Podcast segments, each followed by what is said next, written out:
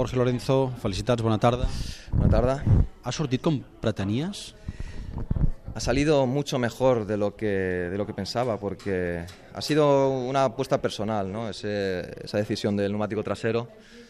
Eh, el blando, utilizar el blando, porque sabía que Márquez y Rossi iban a utilizar el duro, que, que creo que serán mis rivales para el campeonato. Así que elegir ese blando ha sido arriesgado, pero al final ha resultado una gran opción porque normalmente neumático blando va de más a menos, pero ha sido al contrario, ¿no? Ha ido de menos a más y, y eso ha sido la, la clave de la carrera y también la convicción de seguir tirando incluso cuando no conseguía distan- distanciarme de vicioso y hacer ese 54-9 que me ha permitido escaparme dos décimas más y después cuando Márquez ha pasado a Janone, han ralentizado un poco el ritmo, ya, ya he podido respirar un poco más tranquilo. Avui nosaltres al, al directe teníem el club de fans de Jorge Lorenzo amb nosaltres a l'estudi.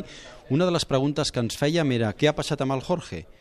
L'any passat intentava sortir i escapar-se i has estat molta estona al darrere de la Ducati. Yo creo que la velocidad de la Ducati no me ha permitido escaparme, ¿no? Porque eh, me cogía muchísimo, ¿no? Tres décimas, cuatro décimas en la recta. Ellos tienen incluso más diferencia que el año pasado, dos o tres kilómetros más. El año pasado ya no secaban 12, 15 kilómetros, ahora incluso 17 en alguna vuelta.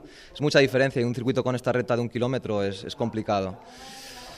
Entonces, todo lo que ganaba en las curvas en la primera segunda vuelta me lo recuperaban en la recta. Así que he tenido que tener mucha paciencia, no precipitarme pasando a los, a los pilotos de Ducati y cuando Janone se ha caído he respirado un poco más tranquilo porque ya era solo uno que tenía que pasar.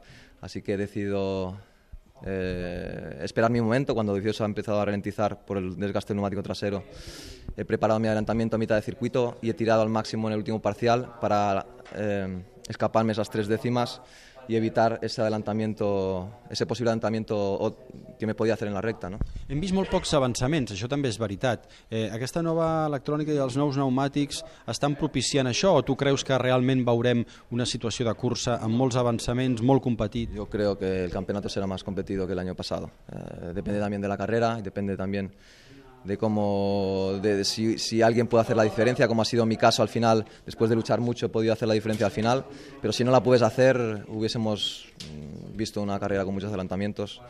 Como a principio de carrera, ¿no? Yo y la Ducati, yo y las Ducati hemos tenido algunos momentos de, de adelantamiento, ¿no? Gràcies, Jorge. Muy bien, a vosotros.